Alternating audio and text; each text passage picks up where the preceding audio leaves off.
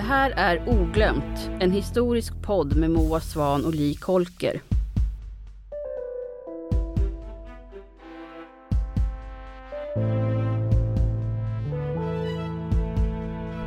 Nu ska vi ju ha ett avsnitt här som ska handla om Ukraina och landets historia, mm. men också minnespolitik. Eh, och vi har pratat med en forskare på Södertörns högskola, Julia Jursuk, som skrev sin avhandling om eh, Ukrainas minnespolitik. Och eh, hon har ju eh, också tittat nu på utvecklingen i Ukraina och följt upp den här minnespolitiken och hur man hanterar sina mon monument och sådär. Men, men jag kände ju liksom för min del att jag har ju stora kunskapsglapp här vad gäller mm, det som alla redan vet känns det som. Men, eh, men definitivt eh, Ukrainas historia. Mm. Mm. Det ska bli intressant. Jag märkte också att det var väldigt lite jag kunde. Och många begrepp och så som jag har hört men som jag inte riktigt har haft koll på. Mm. Eh, och att generellt så känns det som när man lyssnar på Julia och när jag läser så är det ju det är en väldigt komplicerad historia. Men det är väl kanske alla länders historia egentligen på ett eller annat sätt. Sådär, att det har hänt mycket och gränser har flyttats och, och så. Men eh, ja, så det är bra att reda ut. Ja, svårt på ett sätt och absolut allas alla länder har gränser som flyttar. Däremot om man är från liksom västkusten där jag kommer mm. ifrån i Sverige och vi bor i Stockholm båda två. Där har det ju inte hänt så supermycket med gränserna kanske. Nej, det kan man verkligen inte säga. Visst, det finns en fästning vid Göteborgs inlopp, så en gång i tiden kom danskarna. Mm. Men eh, mm, eh, så läser man om Ukrainas historia och inser att så här, det, här, det är väldigt stor skillnad här på hur ofta mm. eh, nationsgränserna har flyttats. Det är sant. Eh, egentligen. Mm. Mm. Och där har det hänt alldeles nyss. Allt det som vi ska prata om idag kan man ja, säga. Ja, så är det. Men om vi börjar då med liksom, vad, vad har vi haft för stora kunskapsglapp som vi liksom behöver fylla igen tycker du Li? Ja, jo men andra världskriget är ju ett sånt, faktiskt generellt hos mig, ett ganska stort kunskapsglapp inser jag. Konstigt nog, för vi läste ju väldigt mycket om det i skolan. Eh, men, men eh, det är komplicerat kanske och inte så mycket som fastnar där hos mig. Eh, så dels är jag väldigt nyfiken på eh, ja, dels det här med att eh, Putin anklagar alla ukrainare egentligen, men den ukrainska styret nu för att vara nynazister. Eh, och det faller ju såklart, eller liksom går tillbaka på andra världskriget. Eh, men det tycker jag är svårt. Eh, Vad är det, det som är svårt? Ja, alltså jag har lite svårt att förstå hur eh, Putin och Ryssland kan använda sig av det här och tänka att någon eh, kommer att eh, tro på det eller gå med på det så att säga. Särskilt eftersom då eh, Volodymyr Zelensky faktiskt är, eh, har, eh, har judiskt påbrå själv så det vore märkligt om han var nynazist. Men, eh, men hela liksom berättelsen om andra världskriget tycker jag att vi kan dyka ner i mm. lite grann. Ja eh. för det är ju där anklagelserna bottnar i mm. att, att Putin överhuvudtaget kan lyckas eh, på något vis få över en del människor på det här att, att ukrainarna skulle vara nazister mm. har ju att göra med dels historien, vad som har hänt men också hur Sovjet men också Ukraina själva har skrivit sin egen historia. Vad man väljer att komma ihåg eh, och hur. Just det. Mm. Mm. Ja, nej men jag eh, läste ju lite till exempel om eh, eh, om hur det finns ju en berättelse under andra världskriget av att ukrainska eh, Eh, nationalister har eh, allierat sig med tyskar som har kommit eh, kanske framförallt i de västra delarna av Ukraina och där också som hjälpt till med att eh, utrota delar av befolkningen, då, judar bland annat. Eh, och då hände det under, under världskriget.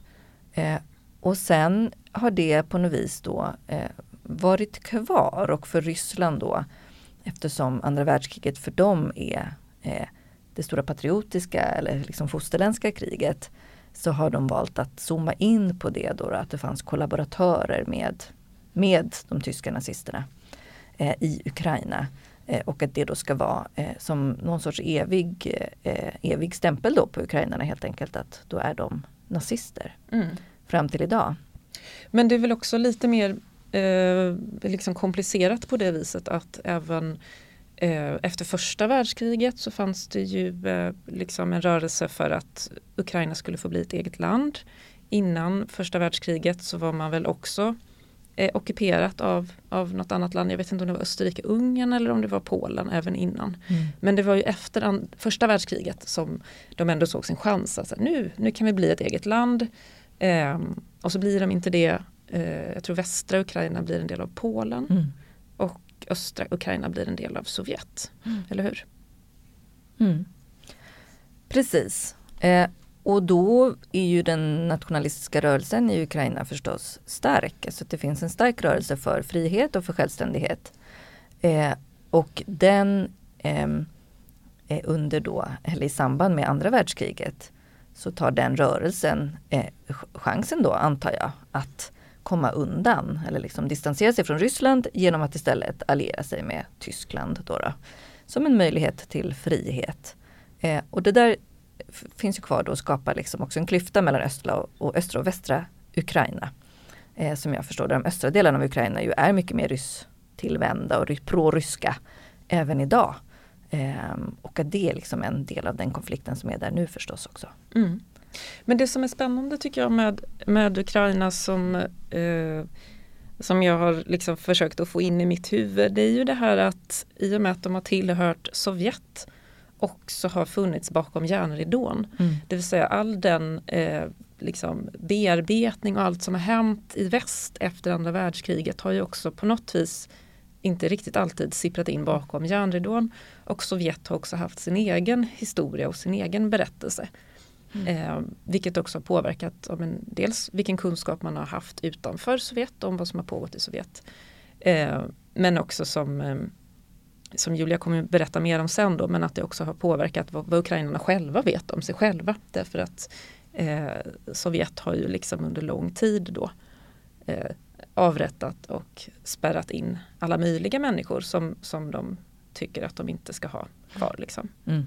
Och att intellektuella och, och, författare och liksom ukrainska språket och ukrainska böcker. Så det är så, det är så mm. många som har varit föremål för de här liksom, eh, ska man säga, mordkampanjerna från, från Stalin och sen att det också har fortsatt med, med arresteringar. Mm. Så det är som en enda röra tycker jag ibland mm. om man försöker få fatt i det. Liksom.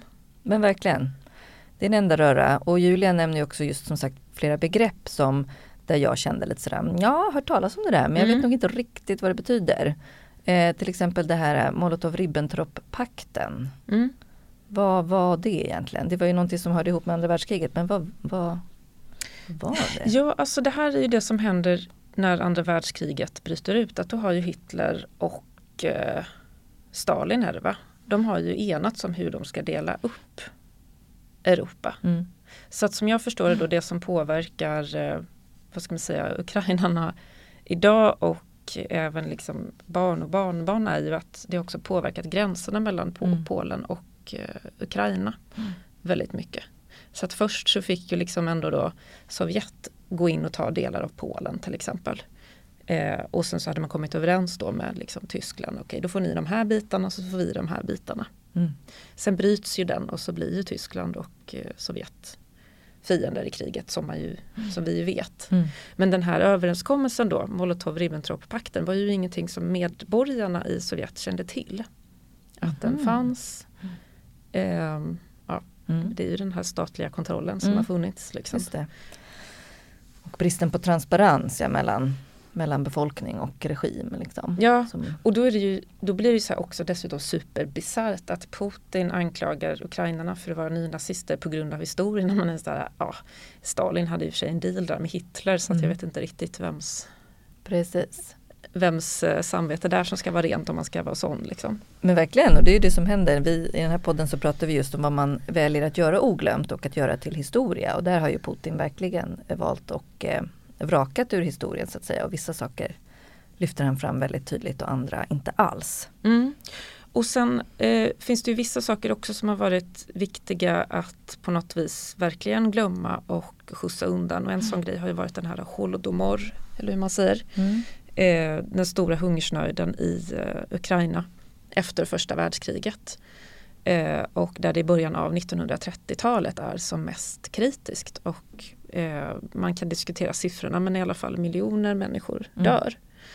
Eh, och det finns då historiker som också argumenterar för att nej, men det här var ju en del av liksom ett folkmord mot Ukraina som liksom kom från eh, Stalin mm. eh, bland annat. Och att man kan visa på att nej, men det var inte bara dåliga skördar utan att man liksom aktivt använder den här svälttaktiken för att dels liksom minska ukrainarnas motstånd till Sovjets ockupation eh, men också att man eh, ville liksom ha de här spannmålen. Man snodde mm. dem helt enkelt för det var viktigare att arbetarna i städerna var nöjda och att liksom mer det, det centrum i Sovjet var arbetarna var nöjda än liksom att jag menar Ukraina var ju någon slags periferi.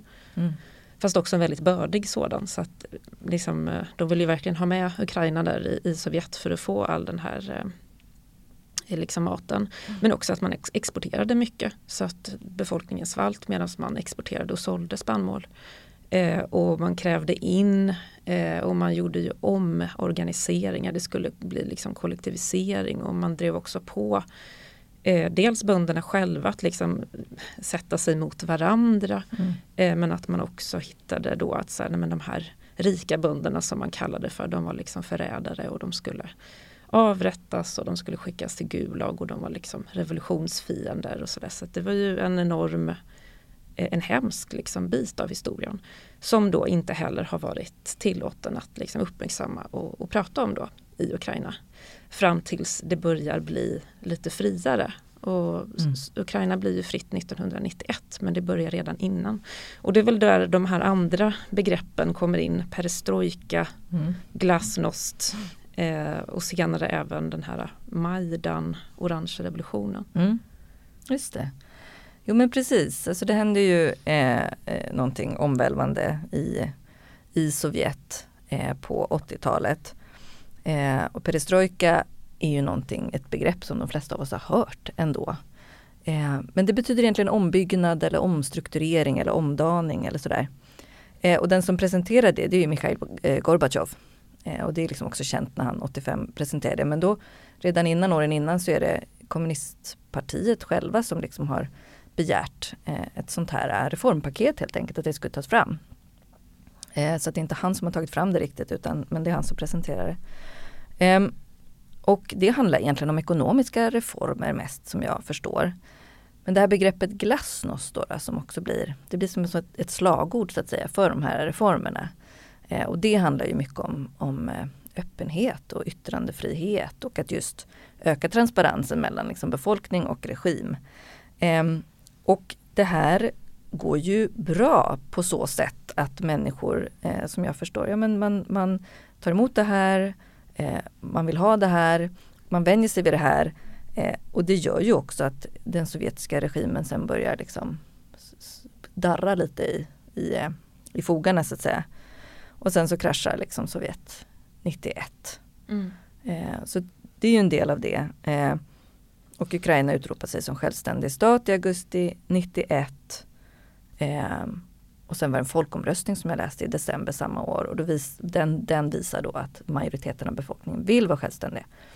Så att eh, perestrojka och glasnost liksom, ja, separerar alla de här delarna av mm. gamla Sovjet från varandra och just i Ukraina vill man det. Men också som jag förstått att glasnost också handlar om, om sanning. Att nu ska vi prata om vad som har hänt. Mm. Och att den här hungersnöden till exempel 1930-talet är en av de sakerna som man kan börja prata om och som inte har ingått i, eh, i liksom minnespolitiken. Alltså det har inte, man har inte pratat om det i skolorna och man har liksom inte pratat om det från statligt håll mm. heller. Och att Sovjets påverkansarbete som jag förstår det efter andra världskriget också handlade mycket om att nej men folkmord det, det handlar om etnicitet, mm. folkgrupper, inte om politisk förföljelse. För att mm. man ville heller inte att det skulle slå tillbaka mot eh, Sovjet eftersom att deras eh, liksom, eh, massmord och liksom förföljelser oftast var politiskt motiverade. Även om vissa delar också handlade om, om etnicitet så handlade det också mycket om politik. Så de var ju också väldigt noga med att så här, det här har ingenting med folkmord att göra utan det är etnicitet. Och eh, Som jag också förstår det, liksom, att man eh, har egna ord. Så att efter det 90, 91 så ska man liksom i princip ta ikapp all den här historien då som, som man har haft. Och börja värdera liksom, vad av det här som vi har lärt oss stämmer. Vad av det som vi hyllar och firar ska vi fortsätta hylla mm. eh, och fira. Eh, men att liksom rent forskningsmässigt också, jag tänker här på Södertörns högskola har vi ju också starka kopplingar med liksom öststater eh, och så mycket forskning som fortsätter eh, komma fram. Liksom. Så att, nu såg jag att det kommer en ny avhandling här om liksom, eh, religion och Ukraina efter Sovjets fall där 1990 till 2010. Som handlar om liksom, hur man gör med religionen när man helt plötsligt säger nu får vi göra vad vi vill. Liksom. Och då är det en, en eh, eh, Katarina Sorja som har forskat och visat att liksom, helt plötsligt så blir nya religiösa praktiker eh, poppis då. För mm. att sådär, ja det här fick man inte tro på förr så helt plötsligt var det mer okej okay eh, gå till en byhäxa än till en psykiatriker skriver hon bland annat. Mm -hmm. eh, Vad spännande. Ja, ja, men det verkar väldigt spännande. Men det känns som ett så tema, liksom, just det här att vad händer i Ukraina efter 91 när man får börja göra vad man vill. Och eh, Julia skriver också sin avhandling att så här, ja, man fick börja prata om saker, mm. det var mer okej med sanning men det var inte så att, att eh, det blev någon sån total frihet eller att man verkligen kände nu får vi prata om allt. Så lite, ja, men lite nyans där kanske. Ja men precis och lite fram och tillbaka som jag förstår att eh, om man tänker då att man skulle dela upp Ukraina som det ju nu har blivit på ett sätt att det finns liksom eh, en del som är mer västorienterad och, och vill eh, distansera sig från Ryssland och nu den ryska federationen och så finns det en annan del av befolkningen som kanske fortfarande vill tillhöra Ryssland eller liksom som pratar rysk, det ryska språket och sådär. Eh, och att de här eh, grupperna verkar ha liksom turats om lite ju att, att eh, både vara vid makten i Ukraina sedan 90-talet eh, och, och att protestera mot makten eller mot regimen. Mm. Eh, så att den orangea, som det kallas den orangea revolutionen, det är ju på 2000-talet, 2004-2005 som de protesterna utbröt. Eh, då det samlades jättemånga människor med då orangea kläder, orangea flaggor och så här. Okej, så det är redan 2004. Mm. Titta, då hade jag redan själv blandat ihop det med Majdan. För ja, det är ju sen. Precis. Men det är inte samma sak. Det är inte samma sak. Nej, upptäckte jag. Ja, jag vet. Ja, det är så, precis, det är så här det, det, har varit för mig väldigt mycket när jag har läst eh, om Ukraina nu. Att så här, jaha, nej, ja. det är inte samma sak. Nej, och det hände först. Och det är liksom väldigt komplicerade gångar och sådär. Men historia är ju komplicerat, det vet ja, vi men... men det är då man får tänka på vad min, min första lärare på universitetet sa att ni behöver inte lära er årtal mm. utan till. Det är därför oh, det finns Google. Åh, oh, gud vad skönt. Men det är underbart. Men som arkeolog så tycker jag att det låter jättebra faktiskt. Ja. Jag vill helst inte bry mig om några årtal. Men nu var jag tvungen att göra det i alla fall då. då. 2004. Eh, och då är det ju eh, Viktor Janukovic som är liksom en prorysk ledare som kommer till eh, makten i ett val. Och då eh, är det många i Ukraina och utanför som ogiltigförklarar det här valet och säger mm. att det är något fuffens. Eh, och då kommer det ju protester kring det. Så de som protesterar då, de är ju liksom västvänliga och ja, nationalister då får man säga. Alltså de vill ju att Ukraina ska vara en självständig egen stat. Eh, men det var väldigt intressant då. Det är ett sidospår, men de här orangea flaggorna och den orangea färgen som då de här eh, protest, protestanterna, eller på säga, de som protesterar mot Janukovic använder sig av. Mm. De viftar med orangea flaggor. Men samtidigt då när det kommer protester eh, eller demonstrationer till stöd då för Janukovic i östra delen av Ukraina. De viftar med ukrainska flaggan. Jaha. Så jag blev lite förvirrad. Jag men om man, är, om man är nationalist och vill liksom ha ett fritt och självständigt Ukraina, ska man inte använda sig av flaggan då? Det gör man ju numera kanske i, ja. i, i dagens konflikt. Men så var det i alla fall. Så att, det var lite förvirrande. Eh, och I östra delarna hade Janukovic stort stöd och i den västra så var det då Viktor Justjenko som hade stort stöd. Eh, och sen gör man ett nytt, ett omval i december och då vinner då Justjenko det med 52 procent. Så det var liksom lite på mm. Och på vilken sida stod han då? Var han liksom mer EU eh, e eller ja. mer Sovjet? Mer EU. Mer EU. Precis, mm. så det var liksom Viktor och Viktor helt ja. enkelt som stod mot varandra. Eh, och Janukovic eh, Låter som en duo upp. från Melodifestivalen. Viktor och Viktor. Viktor och Viktor. Det var inte fullt så härligt och glammigt kanske då som, som man tänker sig Melodifestivalen. Men, eh, men jag, jag tänkte, jag har skrivit, skrivit en anteckning här när jag läste om det här att det här var ju väldigt rörigt och utmattande liksom att eh, försöka hålla koll på de här grejerna. Jag tänker för befolkningen ja, men att hela tiden behöva förhålla sig till det. Eh, att så här, är det här ett, ett riktigt val? Har det gått rätt Mm. till? Eh, och vilka är de här människorna som bor i samma land som oss som verkligen, verkligen inte vill samma saker som vi på något vis. Det, ja, komplicerat och, eh, och eh, ja, men traumatiskt säkert på många sätt. Mm. Eh, Men sen kommer man då till det som kallas för Euromaidan eller Euromaidan som Just. Julia också nämner. Mm. Eh, eh, kommer nämna intervjun här. Och det är ju det som sker då 2013-14 med nya protester. Och då handlar det om att Janukovic, Viktor, Viktor, proryska Viktor, proryska Viktor. Mm. han har liksom seglat upp igen och är president då. Mm. Så det är just det här att de, de byter av Men det var väl inte liksom. så bara att han liksom seglade upp utan han fick väl också en hel del stöd och hjälp från Ryssland, eller hur? För att de ville ha honom där Ja, som precis. en prorysk eh, samarbetspartner. Mm, förstås, på insidan. Ja. Så att visst, nej men så att han sitter, sitter då igen som president och det utbryter protester. Och då är det så att han har liksom sjabblat bort eller eh, liksom sopat under mattan, eller vad man ska säga, ett samarbetsavtal som var på gång mellan EU och Ukraina som hade gett då eh, Mm. mer frihet och också liksom distanserat landet lite mer från Ryssland. Och han eh, eh, bort det där. Och då kommer mycket protester. Också våldsamheter med många döda. Mm. Så det var ju också liksom hemska eh, händelser så att säga. Eh, och sen avsätts Janukovic igen och februari-mars 2014 då, då annekterar ju Ryssland Krim. Och även de östliga delarna, Donetsk och Luhansk. Liksom deras, vad ska man säga, separation eller sådär startar ju då. Eller liksom. Eh, väldigt eh, mm, dramatiskt ju. Ja, och som jag förstår det också så menar man också att om då Ukraina hade tillåtits gå med i EU och liksom då kanske även folk som bor i Ryssland också kommer på att så här, aha, men det kan ju vi också göra.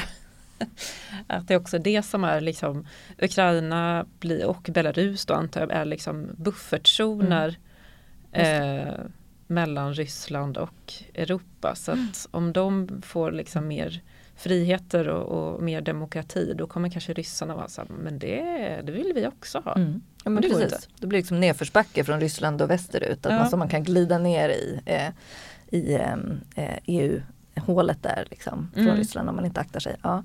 Men det som är intressant för oss är ju att, att det här blir en liksom kriget som Ryssland för mot Ukraina, att det har ju väldigt mycket historia Mm, i sig. verkligen. Så att på ett sätt så är det ju verkligen här och nu. Eh, historien hade ju kunnat lika gärna gå åt ett annat håll. Eh, som du pratar om där, perestrojkan, glasnost. Alltså det har funnits en tid med mer öppenhet från, från ryska sidan. Eh, och nu kan man ju säga att det kanske går tillbaka till ett mer auktoritärt, liksom aggressivt styre Mm, igen. Men det är ju liksom, det dryper ju av historia. verkligen. Och då Precis. känns det ju viktigt att liksom också förstå det här och liksom lära sig det här. Eh, som, eh, så att man inte bara står där och bara, ja ja, Mm. varför säger han att Ukraina är nazister? Tok. Ja, Ja, och så här, ja, det är tokigt men det finns liksom ändå skäl till att, att han ändå kan försöka lura i folk det där. Liksom. just det.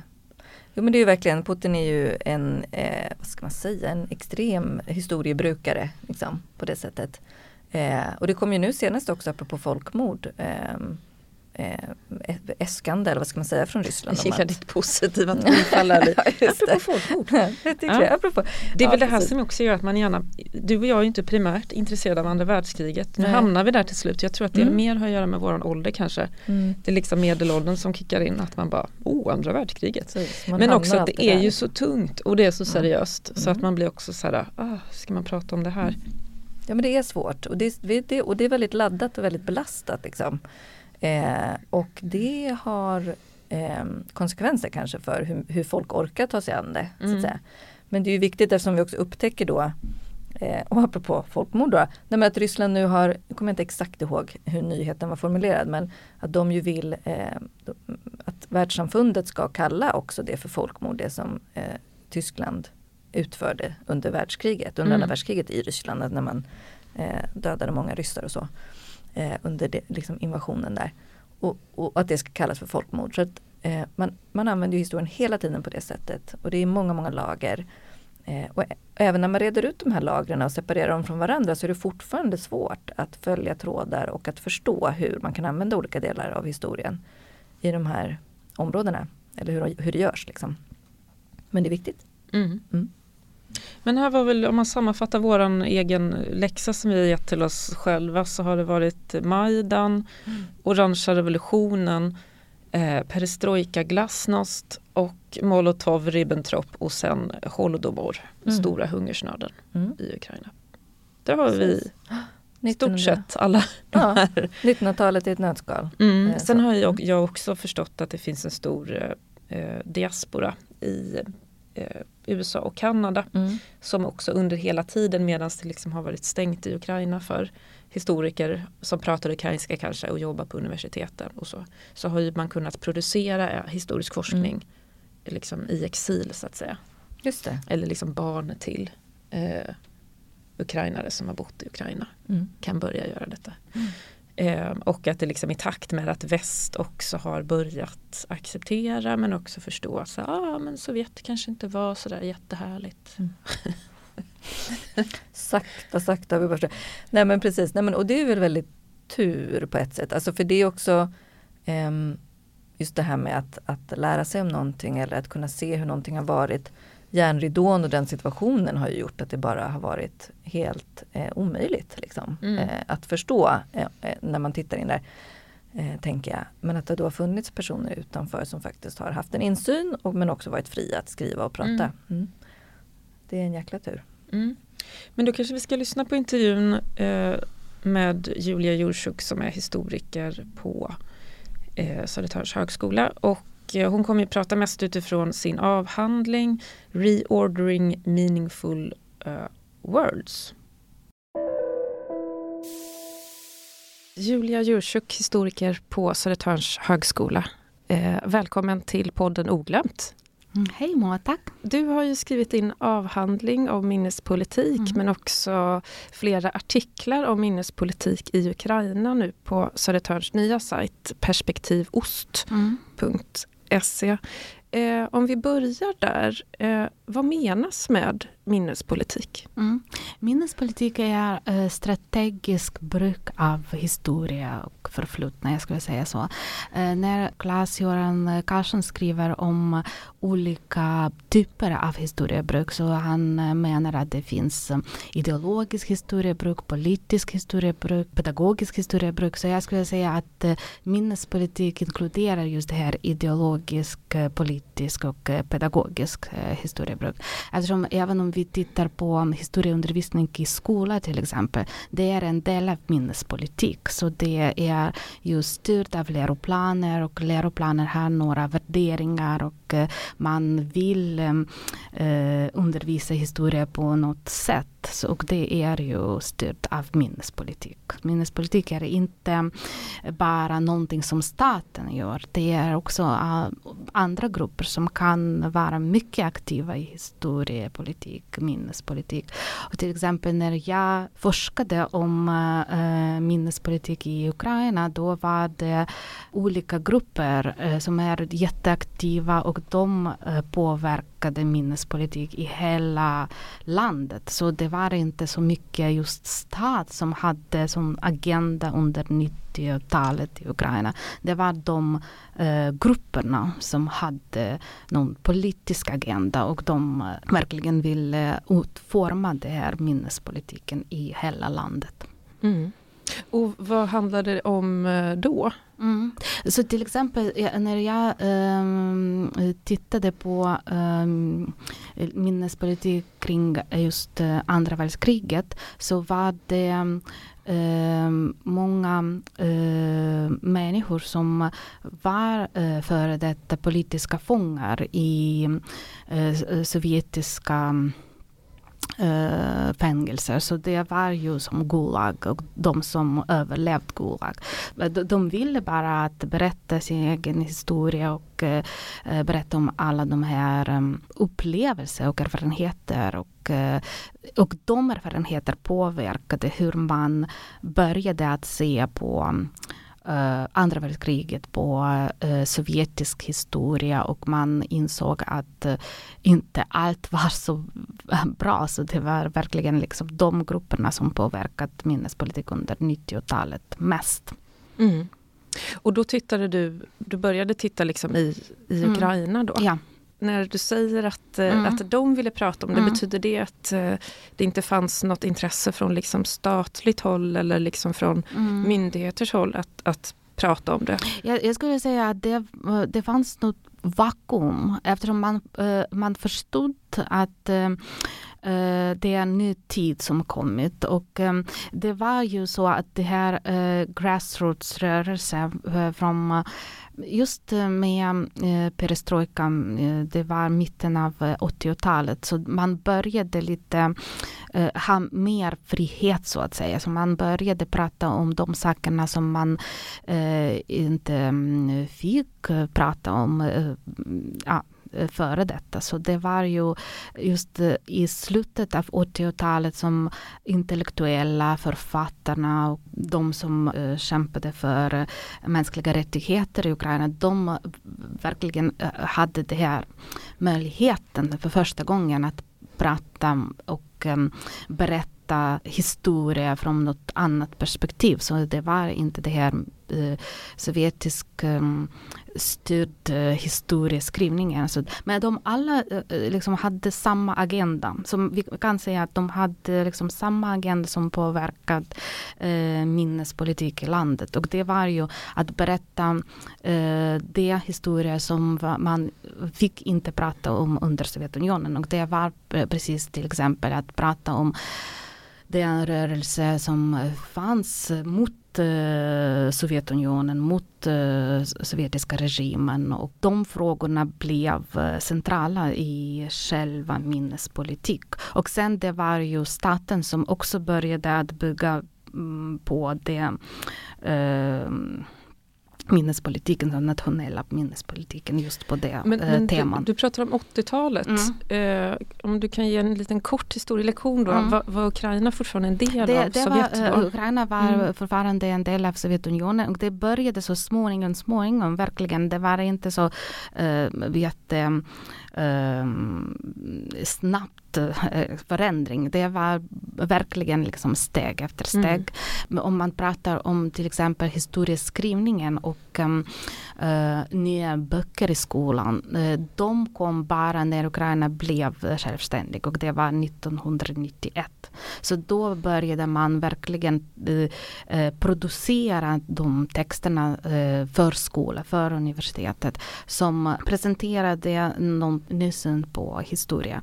Och det var först under 90-talet. Och då när jag pratade just om det här vakuum, det var verkligen som vakuum eftersom man hade inga texter. Så man använde de texterna som var redan eh, publicerade i diaspora till exempel. Till exempel eh, årets subtelningsbok, det blev verkligen liksom eh, bästsäljare och eh, jag minns själv att eh, det var den enda boken vi hade eh, i, i, om ukrainsk historia eh, när jag var eh, elev i skolan. Mm. Mm. Vad, vad hette författaren sa du? Uh, årets subtelning.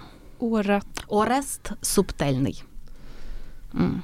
Mm. Årets subtelning. Man kan uh, hitta den boken även, jag tror, här på Södertörn universitetet och mm. läsa den. Så man kan förstå hur vi liksom, uh, fick tack på historia, vad är vår historia mm. så att säga.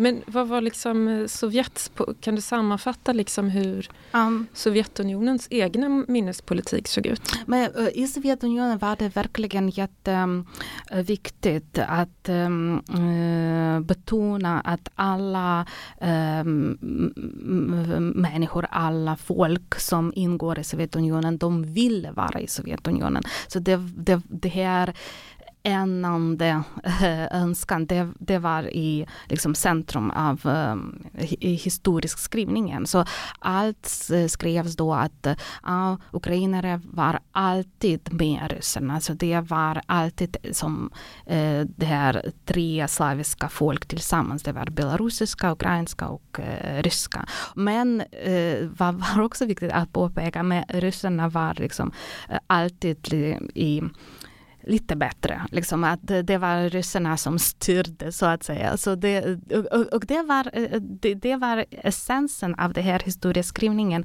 Eller till exempel om man skrev om andra världskriget så det var också um, som det här ground in myth um, uh, av Sovjetunionen. Att det är ju alla, uh, alla i Sovjetunionen som uh, var med och uh, stred eh, mot eh, fascismen. Så det, det var det berättelsen och man fick inte prata om de eh, nationalistiska rörelser som var mot Sovjetunionen och eh, under andra världskriget eh, kämpade mot Sovjetunionen och eh, ofta med eh, eh Tyskland med nazisterna. Eftersom de verkligen trodde att det är enda väg till mm. självständigheten. Och de hade fel men vem, vem, visste då. Men, men, det var verkligen så att eh, i sovjetisk historieskrivning var det liksom, ah, det var bara marginella, de uh, nationalisterna i baltiska länder, i Ukraina, de var verkligen marginella och de var bara nazister. Så det var just det här uh, berättelsen som är jätteintressant med det är just det som som eh, upprepas nu av Putin så att, eh, att de är bara nazisterna. Alla som inte vill vara med oss, de är nazisterna. Men det är eh, i själva verket liksom samma retoriken som man använt i många, många decennier. Så. Mm. Och visst var det så att, att man i, i Sovjet brittisk minnespolitik inte heller kallade andra världskriget för samma sak som man gjorde i mm, väst. Ja, men det, det kallades inte uh, andra världskriget, det, det kallades um, uh, Great Patriotic War, uh, fosterlandskriget. Mm, så det, det var det och um, man även hade andra liksom, tidsperioden för det. Så det var, eh, när jag gick i skolan, det var 19, vi, vi visste att eh, det här eh, Great Patriotic War, det var ju från 1941 till 1945. Uh, 40, ja, 45. Så jag är redan liksom mm. lite. Men vi, vi fick inte uh, prata eller höra av att det var 1939 att mm. kriget började. Och uh, faktum är att när min mormor berättade om kriget, det var alltid liksom, ah, först ryssarna kom, sen, sen tyskarna kom. Jag kunde inte förstå hur kunde ryssarna komma? liksom, va? va? De var alltid här. Hon kommer från den delen som var eh, Polen. Så eh, hon fick flytta under kriget till eh, ukrainska eh, territorium. Så det var verkligen först eh, ryssarna som kom. Det, det, var 39 som eh, kriget började. Mm. Så det var ju den delen av vad idag är äh, västra Ukraina. Äh, det var en del av Polen och det var ju erövrat av äh, sovjetiska armén. Mm. Så det var ju ryssarna som kom först. Mm. Och sen det var först 1941 då som sovjeterna hade krig med Tyskland. Men först det var ju både ryssarna, eller sovjeterna och uh, tyskarna tillsammans. Så det var ju det här um, uh, Ribbentrop-Molotov-pakten. Mm. Uh, och vi fick inte veta om det. Uh, in, det var först när Ukraina fick självständighet och vi hade det här nya historia och nya böcker som kommit först då när jag läste dem i universitetet, jag förstod vad min mormor menade. Mm. Så det, det, var liksom, okej okay, nu allt som är på plats, nu förstår jag vad hon menade. Men då låter det som att det också har funnits en, en dub, dubbelhet, tänker jag. Mm. Att, att Sovjet å ena sidan behöver fängsla eh, politiska fångar Mm. som motsätter sig. Å andra sidan får det inte lov att finnas några politiska fångar eftersom att alla älskar Sovjet. Men precis. Det blir ehm, en motsättning där. Men det är precis så att um, göra eh, liksom, eh, alla tysta så att man har rädsla. Man vill inte eh, hamna i eh, fängelse och man vill inte hamna i Gulag. Men eh, det var hundratusentals människor som hamnade i Gulag just efter eh, andra världskriget och de som var från västra Ukraina eftersom de visste, liksom min mormor, de visste. Men eh, hon- visste ingenting om eh, det här pakten. Men eh, och, det var så svårt att liksom, förstå vad hon menar just precis eftersom jag hade det här officiell berättelse från skolan. Och hon hade sin egen berättelse som var mycket individuell. Hon, hon var inte någon från universitetet, hon hade bara några klasser utbildning i Mm. skolan. Så det här, även kommunikationen, det var liksom uh, obegripligt eftersom vi pratade som olika språk. Och sen uh, bara när jag blev vuxen, jag förstod att hon, eh, hon hade alla de här liksom, uh, hon, hon sjöng bara på polska. Jag, jag, och då har jag bara förstått varför hon hade det här polska, varför hon fick eh, flytta till eh, Ukraina och varför hon bodde i Polen då. Alltså det, det var verkligen liksom. Men eh, eftersom vi pratat inte så mycket just om eh, historia, och liksom, verkligen i familjen, så vi pratade om alla de här berättelserna. Liksom, ah, jag fick komma hit, jag, och mina liksom, släktingar och mina grannar är i Polen fortfarande. Och i, just i slutet av 80-talet vi fick komma till, dem, eh, till de grannarna till exempel. Så, eh, och jag mm, jag började att förstå vad, vad som händer bara mm, ja, under 90-talet när jag blev vuxen, när jag läste mer historia och jag kunde eh, placera det här eh, mormors berättelse i den här stora kontexten. Mm. Och då var det att din mormor växte upp i Polen då? Ja. Mm. Och varför var hon tvungen att flytta? Eftersom hon var uh, ortodox så hon uh, um, ansågs som ukrainare.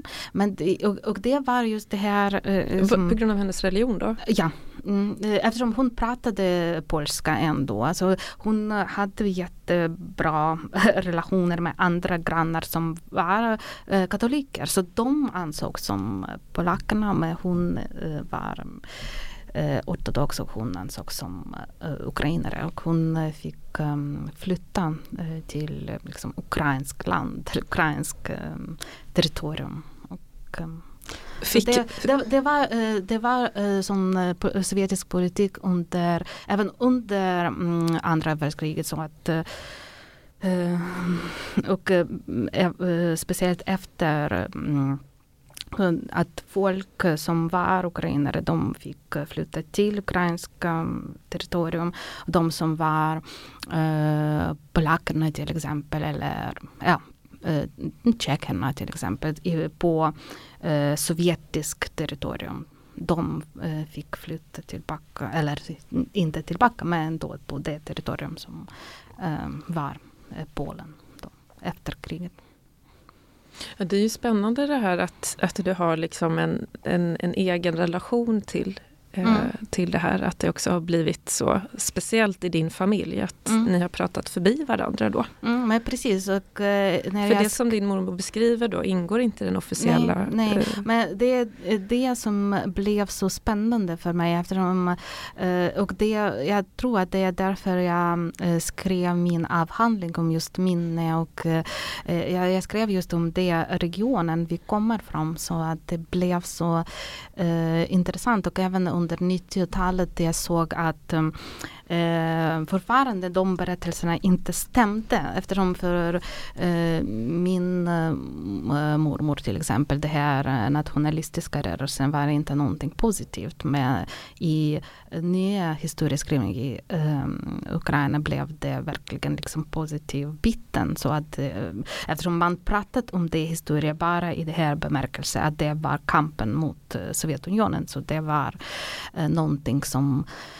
liksom var strävan för just um, självständigheten och man pratade inte om uh, det här eh, inte samarbete med uh, uh, collaboration med Tyskland. Så man pratade inte då om, eller man, man liksom, um, uh, fokuserade mer på de sakerna som var bra. Men inte på de som var inte så positiva. Eftersom i, under Sovjeterna det var som tabu verkligen att mm. prata även om dem. De, de var som uh, det här um, rör, nationalistiska rörelsen det um, kritiserades och man bara sa att det var mycket marginell och, det, uh, och de var bara nazister. Så det var det. Men, uh, men sen under 90-talet man började prata om dem, med just om de sakerna som var positiva. Det här um, um, verkligen frihetsrörelse mot Sovjeterna mm. och inte andra delar. som men om man tänker kring liksom minnespolitiken mm. idag då?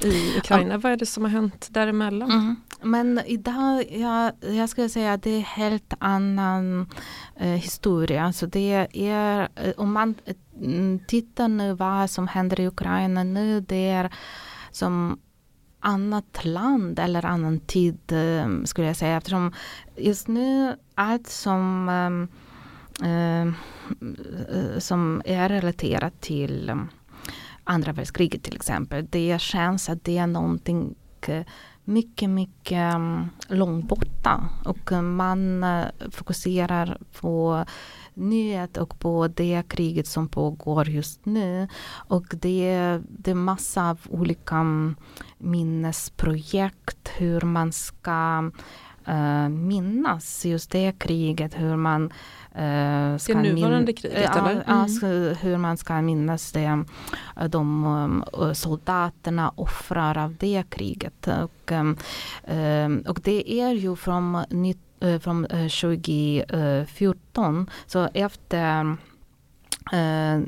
revolutionen, så det här Euromaidan-revolutionen, det var mer och mer just fokuset på nutiden. Så att eh, hur man ska, hur man ska eh, minnas just revolutionen till exempel. Som, eh, och om man tittar på just agenda av det här Institute of National Memory. Man kan se att det blev det här central del, man, hur man minnas det här mm, revolutionen. Och sen hur man minnas det här eh, kriget i östra Ukraina från 2014 till 2022 och sen hur man mm, ska minnas just det kriget från 2022 och nu. Och, eh, och då man kan se att det är inte bara någonting som staten gör, det är så många olika grupper som är intresserade och gör eh, mm, många intressanta saker.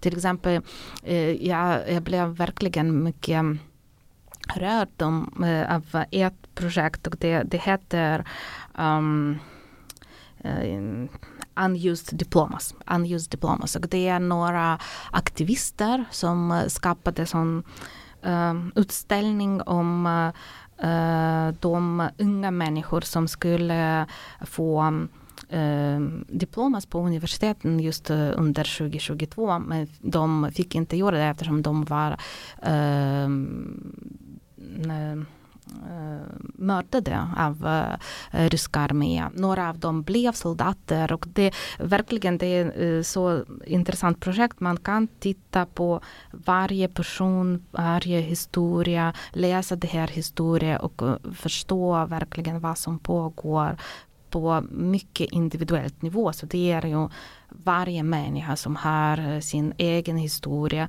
Det är inte så mycket stat i det eller någonting. Det är mm, bara en människa som hade planer, drömmar som var bara en student. Eh, och de är 2022 det, det är verkligen mm. mycket, mycket uh, unga människor. Och, uh, och det finns massa av sådana projekt i Ukraina. Och det, de um, började att uh, komma redan i 2014 med just det här hundra människor som var uh, skjutna i, i revolutionen på Majdan. på det här torget. Men är det här också en del av den här, vad ska man säga, alltså det historiska minnet då mm. av att vi måste själva komma ihåg att mm. vi måste skriva de här ja. berättelserna för att det finns en erfarenhet, kollektiv erfarenhet i Ukraina av att, att det här är Sovjet är så nej mm. ni får inte komma ihåg, mm. ni får inte prata om detta. Mm. Blir det starkare då nu att hela tiden ja, göra de här sakerna? Nu för blev det även starkare eftersom nu uh, många uh, uh, förespråkar just det här. Vi måste prata mer om alla de här um, uh, vad, vad heter det? Um, crimes. Um, krigsbrott eller? Uh, krigsbrott det? eller även olika slags brott under Sovjetunionen. Så det, det är verkligen, låt oss komma tillbaka och titta vad som gick fel under Sovjetunionen. Och även under de 30 år av uh, självständigheten. Och man börjar prata mer och mer om eh, hur man hanterar historia och så nu för tiden. Det, det blir färre och färre till exempel monument till Pushkin eller Tolstoj i Ukraina. Så man kan kritisera det och säga att ah, det är som vandalism eller någonting. Men sen om man börjar eh, liksom förstå varför man gör det så och, och hur, man, mm, hur man förklarar varför det, mm, man gör det. Så man förstår att uh, uh, det finns logiken i det eftersom om man tittar på hur Sovjetunionen hanterade, liksom, hur de um, hur de monument uh, byggdes. Så det var inte som demokratisk process. Det var inte så att alla vill ha Pushkin i varje Och Pushkin gata. är en rysk... Det är en rysk författare. Ja. Och uh, om man tittar på just uh, i arkiv till exempel, så man tittar um, det, det var jätteintressant samtal med um, ryska författaren här i Stockholm, eh, Sergej Lebedev.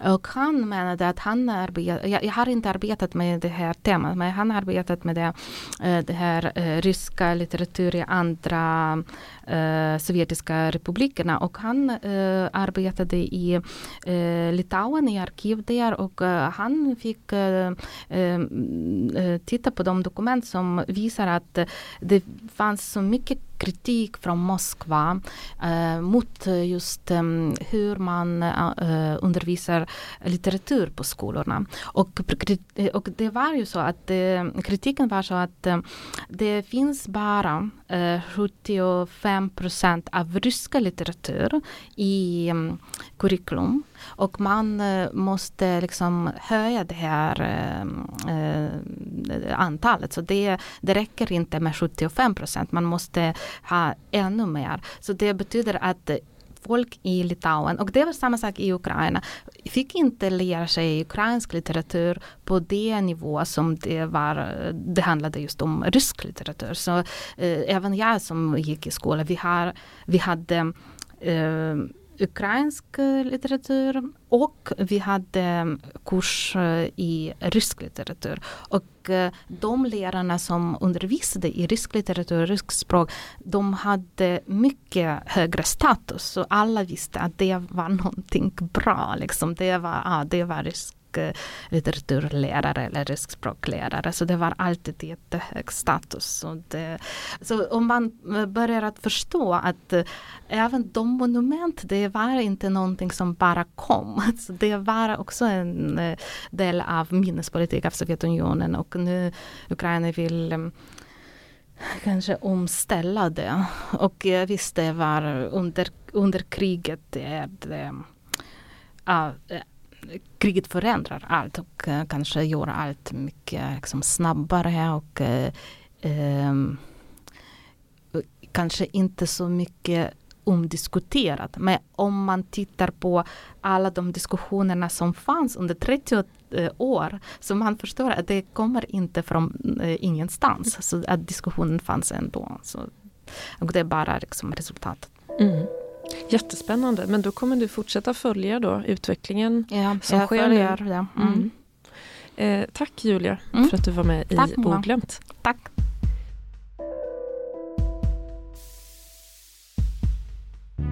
Du har lyssnat på Oglömt, en podd som görs av Historiska museet och Södertörns högskola. Producent och ljudmix Moa Svan. I studion Li Kolker.